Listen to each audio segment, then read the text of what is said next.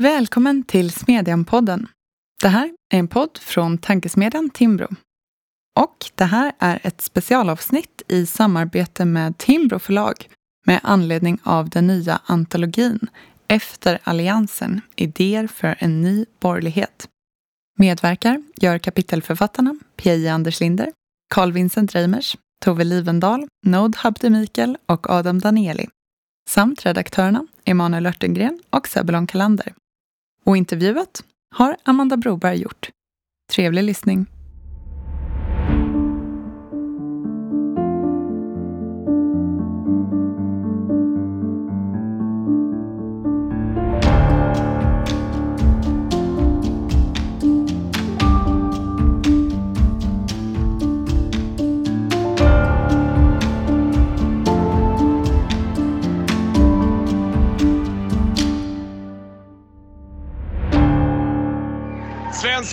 Folket har röstat fram en alliansregering.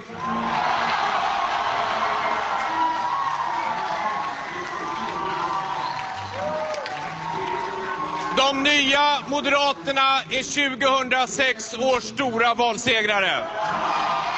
Vid tolvtiden idag drog det omtalade Maramö-mötet igång. Centerledaren Annie Lööf mötte de andra alliansledarna på gårdsplanen till sitt föräldrahem där man inför ett 50-tal journalister hissade en orange alliansflagga och försvann sedan in i huset för att diskutera hur alliansen ska organisera sig inför valet 2014.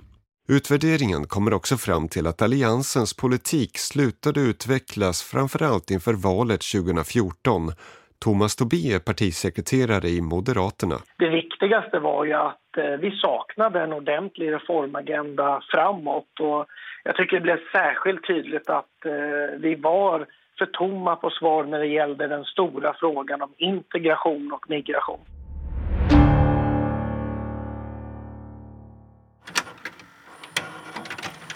Idén till boken föddes under våren 2019. Ehm, det var efter eh, regeringsbildningen, det var efter EP-valet och Emanuel och jag hade flera samtal med varandra där vi, där vi gav uttryck för en frustration med ehm, det vi uppfattade som eh, onödiga friktioner inom borgerligheten. Och då, det utmynnade i att vi började samtala om att eh, påbörja något projekt och i början så handlade det om att, eller var idén att skriva någonting om alliansregeringen eh, och titta på eh, vad, vad som gjorde det samarbetet så framgångsrikt. Eh, men, men vi landade sen i att eh, det var, vore bättre att vara mer framåtblickande och titta på framtida utmaningar och framtida möjligheter för, för svensk politik och för borgerligt samarbete. Och då började vi arbeta med eh, idén att, att göra en antologi där vi skulle samla olika eh, röster inom, inom borgerligheten, både unga och eh,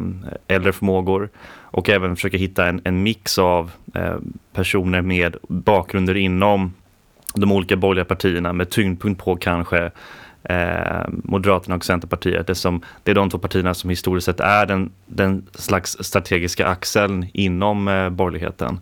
Och, och samtidigt med då eh, arbetet med att ta fram olika kapitel i den här antologin så eh, bedrev Emanuel och jag också ett, ett, ett eh, arbete med att eh, läsa på om eh, historiken bakom borgerligt samarbete. Och eh, vi hade också en rad eh, bakgrundssamtal med exempelvis Anders Borg där vi försökte bättre förstå eh, vad som exempelvis då gjorde allianssamarbetet så framgångsrikt och också eh, vad krävs för att, att hitta nya eh, beröringspunkter mellan de borgerliga partierna och vilka är de stora samhällsfrågorna som eh, borgerligheten borde eh, ta itu med under 2020-talet?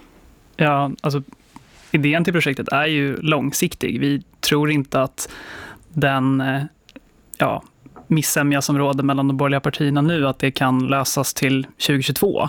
Men vi vill försöka med den här boken och, och peka ut en, en, ny färdriktning och väcka debatt om vilken kärnan i den borgerliga berättelsen om Sverige ska vara. Eh, och en inspiration för det är ju det projekt som Ulf Kristersson drev på Timbro på 90-talet som kallades för Ekumeniken, där man skapade en mötesplats på Timbro för unga centerpartister, folkpartister som det hette då, kristdemokrater och moderater. Och vi hoppas att den här boken ska kunna bli en grund för ett liknande sånt eh, projekt och liknande sådana mötesplatser på Timbro framöver. Nej, men jag, eh, jag ser jättemycket fram emot att läsa de andras eh, kapitel och bidrag. Det, har varit, det, var, det var en rolig utmaning att få göra det här därför att det är lätt att man fastnar i den dagspolitiska diskussionen och då blir det nästan en varje dag bedömning av hur olika aktörer beter sig, vilka utspel de gör och kanske försöka titta på riktningen i väldigt små steg. Men det här innebar ju faktiskt en möjlighet att fjärma sig från det och få lite nödvändig distans på eh, det som borde vara den större riktningen. Så jag tycker att det har varit ett väldigt roligt projekt att få ägna tid åt.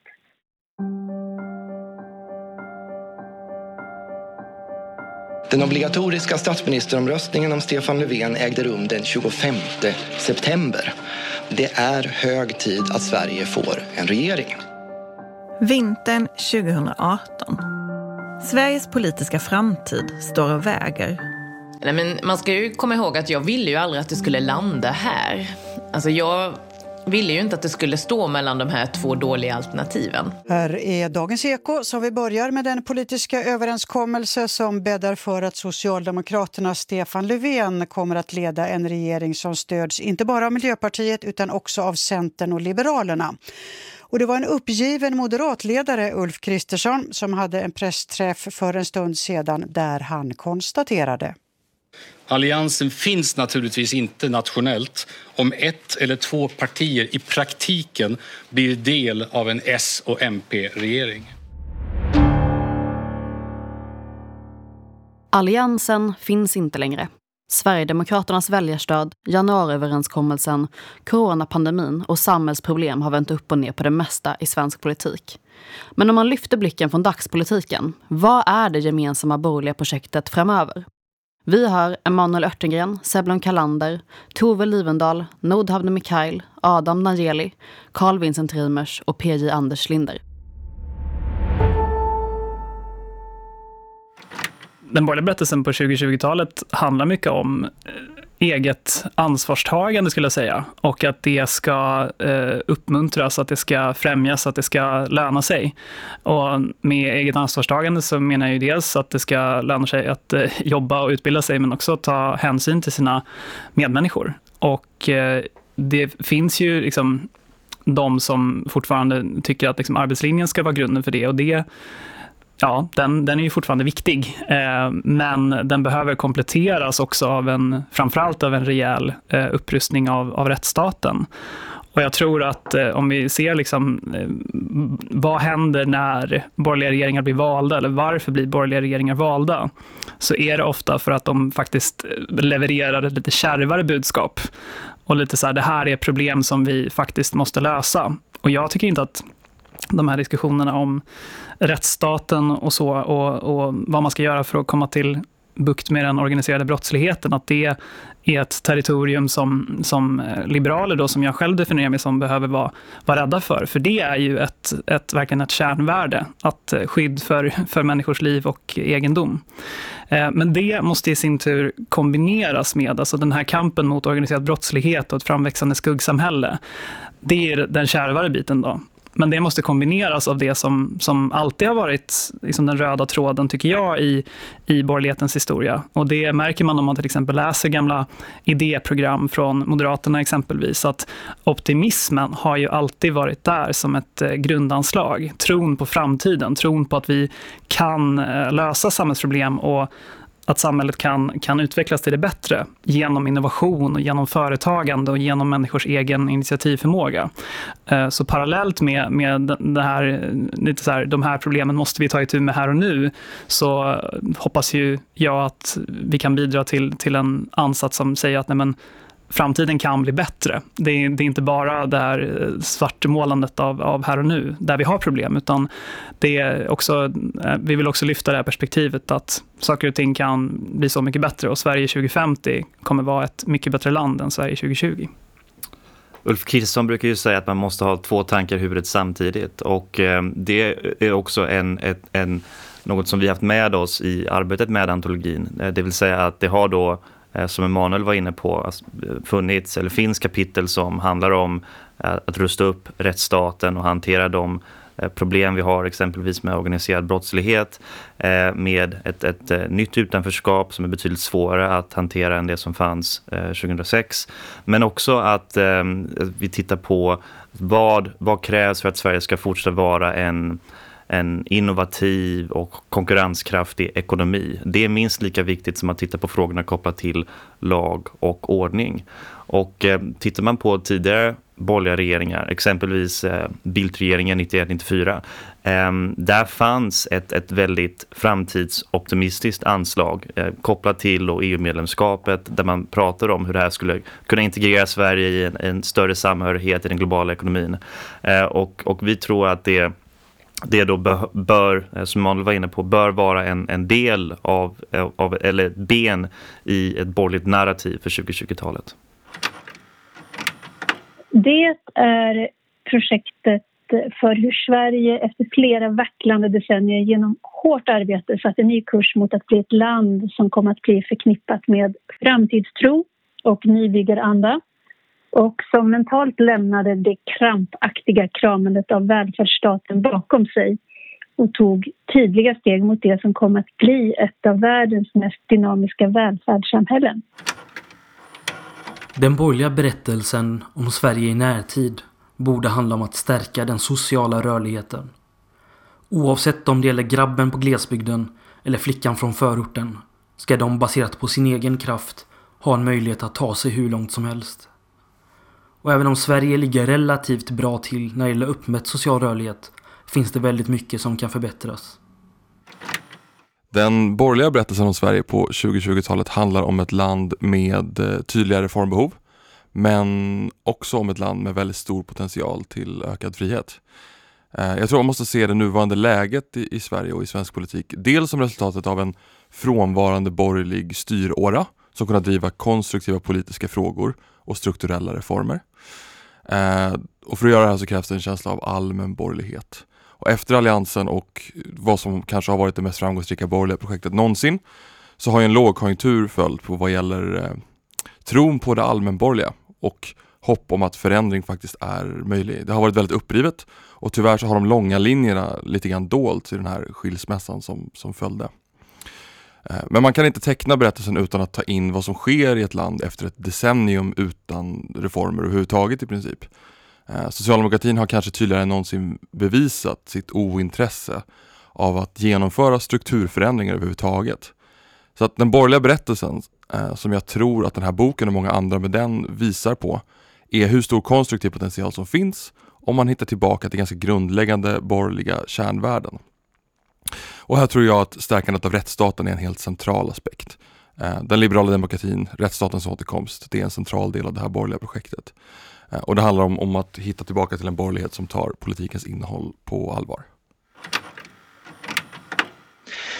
Ja, jag hoppas ju att det kommer vara en, en berättelse som kommer handla om alliansen mellan liberaler och frihetligt konservativa. Eh, och närmare då hur det var möjligt att bjuda den auktoritära högen motstånd genom en, en folkligt förankrad individualism. Eh, och jag tror att det handlar om att borgerligheten måste mejsla ut en linje i de svåra frågor som, som vi brukar kalla för kulturkriget. Eh, men också ha en gemensam vision för, eh, för EUs och Europas framtid. Ja, låt oss tala om vad den borde vara. Eh, en gång i tiden beskrev man ju borgerligheten som en samhällsklass och den skulle då kunna delas in i två läger utifrån prioriteringar och intressen. Man talade om näringslivsborgerlighet och bildningsborgerlighet. I det ena lägret så betonade man ekonomisk frihet och enskilt ägande. I det andra såg man sig som kulturbärare och satte utbildningsfrågorna högt. Och i rätt många år tycker jag har bägge de här perspektiven försummats i borgerlig politik och debatt. Under alliansåren var det ett väldigt fokus på att folk skulle arbeta så många timmar som möjligt och att det skulle vara ordning och reda i statens finanser. Men man ägnade mycket mindre energi åt företagandets villkor. Och vad gäller kulturen lämnade man ju i stort sett walkover och lät vänsterns idéer få fullt genomslag. Folkpartiet kämpade i tappert i skolfrågorna men var ändå rätt ensamt i borgerligheten. Ehm, och idag kan man också se hur de utbildningsreformer som såg lovande ut på pappret har blivit underminerade utav byråkrater och pedagoger som är mycket skeptiska till disciplin och ämneskunskaper. Jag tycker man kan se en viss tillnyktring i borgerligheten men det behövs mycket mer.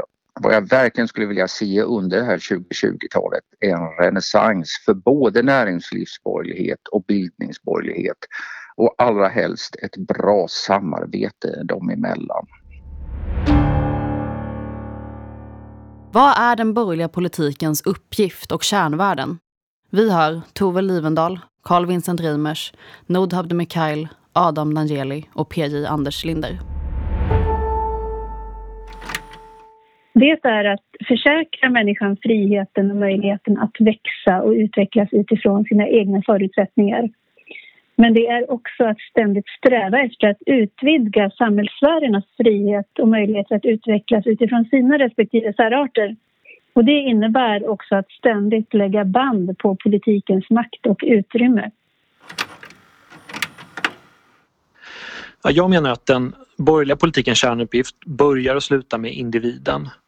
Eh, utan så att säga den enskilda människans värdighet och tron på eh, egentligen mänsklighetens framåtskridande så, så finns det inget politiskt program eh, som kan beskrivas som borgerligt. Eh, samtidigt så är det en individualism som är lika optimistisk som den är realistisk. Eh, och den hämtar sin livsluft lika mycket från liberalismens upplysning som från eh, den konservativa personalismen. Ett borgerligt värde som jag skulle vilja lyfta är egenmakt. Det är ett ord som på sistone blivit allt mer förknippat med termer som citat fuck off-kapital, slutcitat. Men i själva verket är din grad av självbestämmande inte enbart knuten till din ekonomi. Utan det handlar även om att du ska ha en reell möjlighet och tillgång till de verktyg du behöver för att kunna påverka din tillvaro till det bättre. Att bana vägen för att fler ska få en möjlighet att göra en klassresa är allt annat än en lätt uppgift. Det krävs reformer inom de största politikområdena. Våra socialförsäkringssystem, utbildningssystem och såväl bostadsmarknaden som arbetsmarknaden. Det är områden som är i behov av förändringar för att bli mer konkurrenskraftiga och för att fler ska få en möjlighet att uppnå sin fulla potential. När Carl Bildt fick frågan om vad som var de borgerliga politikens kärnvärden inför valet 1991 så svarade han att borgerlighet innebär i grund och botten fyra olika idéer. Eh, Tron på demokratiska institutioner, marknadsekonomi, rättsstat och frihet för den enskilde. Och jag tror att det här sammanfattar väl egentligen det mesta av det vi försöker hitta tillbaka till. Men man skulle väl kanske kunna lägga till också att öppenhet inför omvärlden och ett personligt ansvar, både för miljön och för kommande generationer. Så att den borgerliga politikens uppgift är att med de här byggstenarna sätta ihop konkreta, breda reformer. Ja, borgerlig politik är ju rimligen politik som syftar till att stärka borgerliga värden. Och där tycker jag att ett nyckelvärde är självständighet. Att människor har resurser att rå sig själva och göra egna livsval. Och det kräver en välfungerande ekonomi där man kan hitta bra jobb eller starta företag och att man får behålla så mycket av sina inkomster att man faktiskt kan bygga upp ett ekonomiskt oberoende. Men det handlar också om att ha kunskap och utblick som gör att man kan ta självständig ställning i tidens frågor och fungera som medborgare i ett samhälle. Så att öka den ekonomiska friheten och att stärka kunskapskulturen i skolor eh, och högskolor, det är väldigt centrala borgerliga uppgifter som jag ser det. Och sen är det nödvändigt att ta upp kampen med de som vill politisera de gemensamma institutionerna i samhället. Museer, bibliotek, universitet är väldigt viktiga för att väcka nyfikenhet, eh, tradera erfarenhet och kulturarv och utveckla ny kunskap. Och ja, det är väldigt olyckligt om de reduceras till propagandacentraler som bara ägnar sig åt att förkunna den rätta läran. Här har borgerligheten stått rätt handfallen genom åren och det har stått både de borgerliga värdena och det svenska samhället dyrt. Ja, ser man till partipolitiken på kort sikt så är ju inga frågor viktigare just nu än att främja ordning och reda. Knäcka de här gangstergängen, se till att brottslingar straffas, att brottsoffer får upprättelse och så att få kontroll på gränser och invandring. Och det borde man väl å andra sidan inte behöva vara borgerlig för att tycka.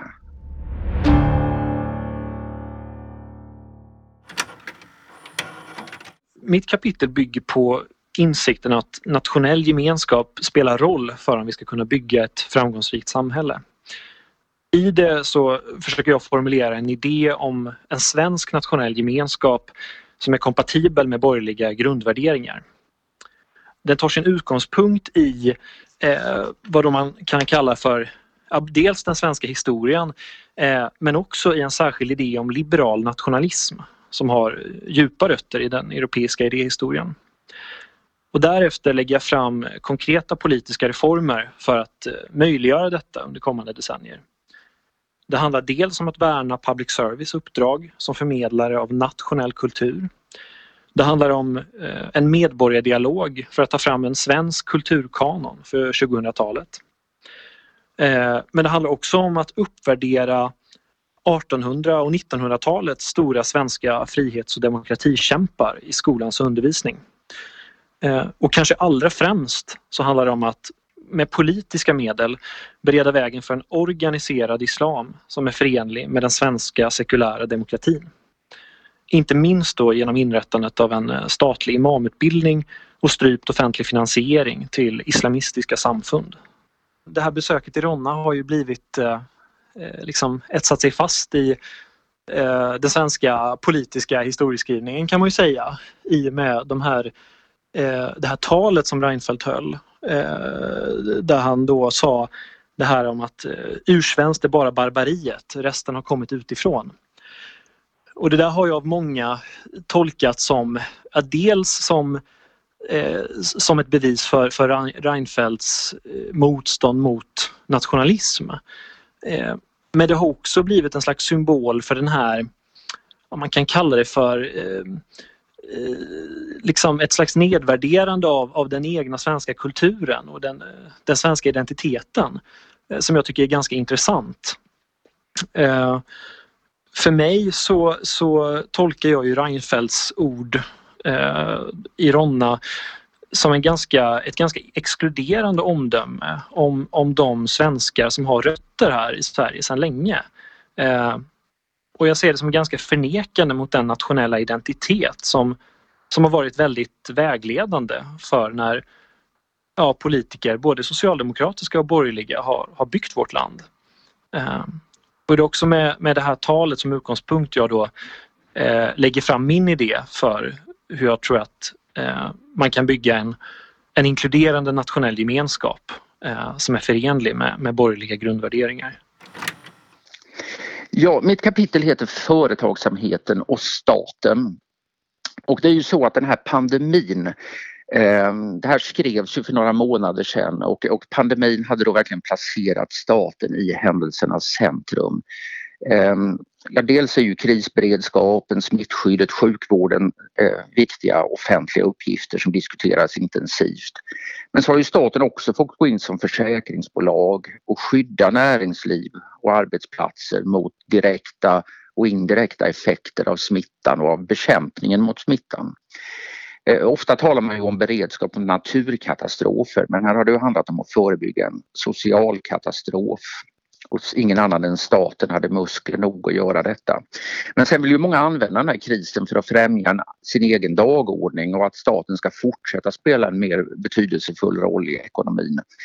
Finansminister Magdalena Andersson har gjort flera uttalanden som pekar i den riktningen. Fast när det gäller just det ökade statliga ägandet av företag verkar inte intresset vara så stort. Det där debatterades eh, särskilt intensivt förra våren. Men det var egentligen när det kom till kritan bara Vänsterpartiet som visade upp någon riktig entusiasm för att ta över privata företag in i statlig regi.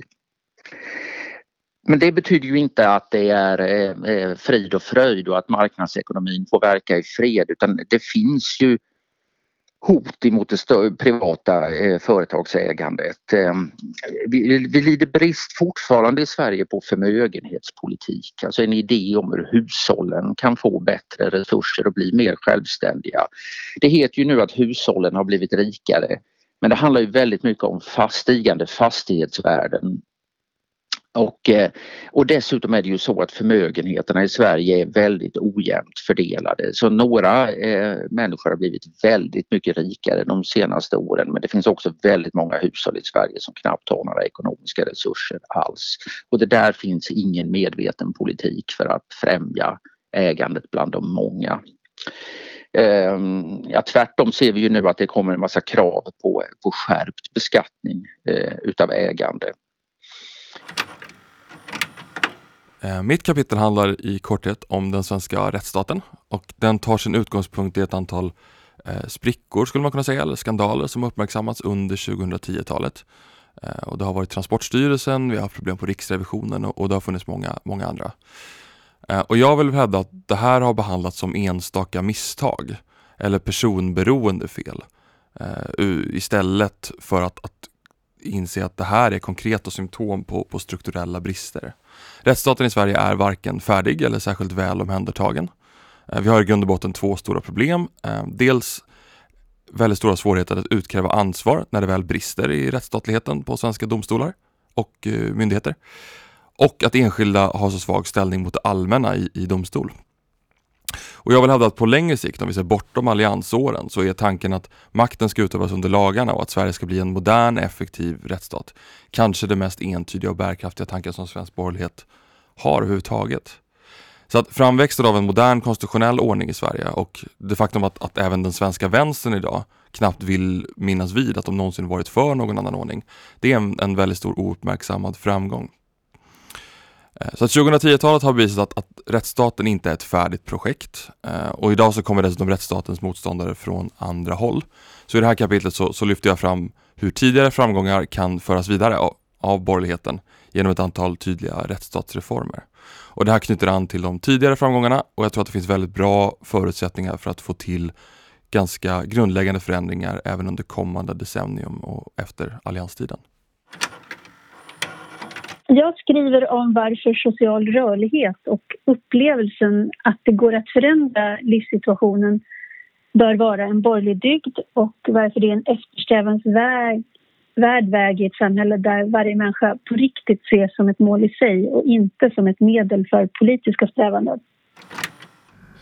I mitt kapitel tar jag avstamp i mina föräldrars förhållandevis snabba etablering när de först kom till Sverige i början på 90-talet. Och jag menar att det tyvärr inte är lika enkelt att bli en del av samhällsgemenskapen för de som kommer till Sverige idag. Jag skildrar dessutom mina tankar inom ett antal reformområden. Hur fler ska få en möjlighet att flytta till en attraktiv ort för studier eller arbete. Och jag lyfter givetvis även ett område som spelar en avgörande roll i att stärka livschanser. Nämligen skolpolitiken. Det finns ingen annan enskild faktor som kan påverka ett livsöde till det bättre än en god och fullvärdig skolgång. Och nu när debatten om skolutformningens framtid tagit fart på allvar vore det givande om riksdagspartierna och i synnerhet de borgerliga partierna presenterade hur de vill förändra skolans roll. Bortom plattityder som citat alla skolor ska vara bra skolor, slutcitat, så finns det svåra avvägningar att ta hänsyn till. Avvägningar som bland annat påverkar hur elever med de sämsta förutsättningarna kan få mer jämlika möjligheter. I grund och botten är det just det det handlar om. Att din framtid inte ska vara avhängig din bakgrund eller ditt familjehem. I ett samhälle där enbart din ansträngning och din egen förmåga sätter gränser för vad du kan uppnå. Ni har lyssnat på ett specialavsnitt av Smedjan-podden i samarbete med Timbro förlag. Antologin Efter Alliansen finns bland annat att köpa på Timbro förlag på timbro.se och där hittar ni som vanligt texterna från Smedjan från veckan. Och vi hörs som vanligt igen här nästa vecka.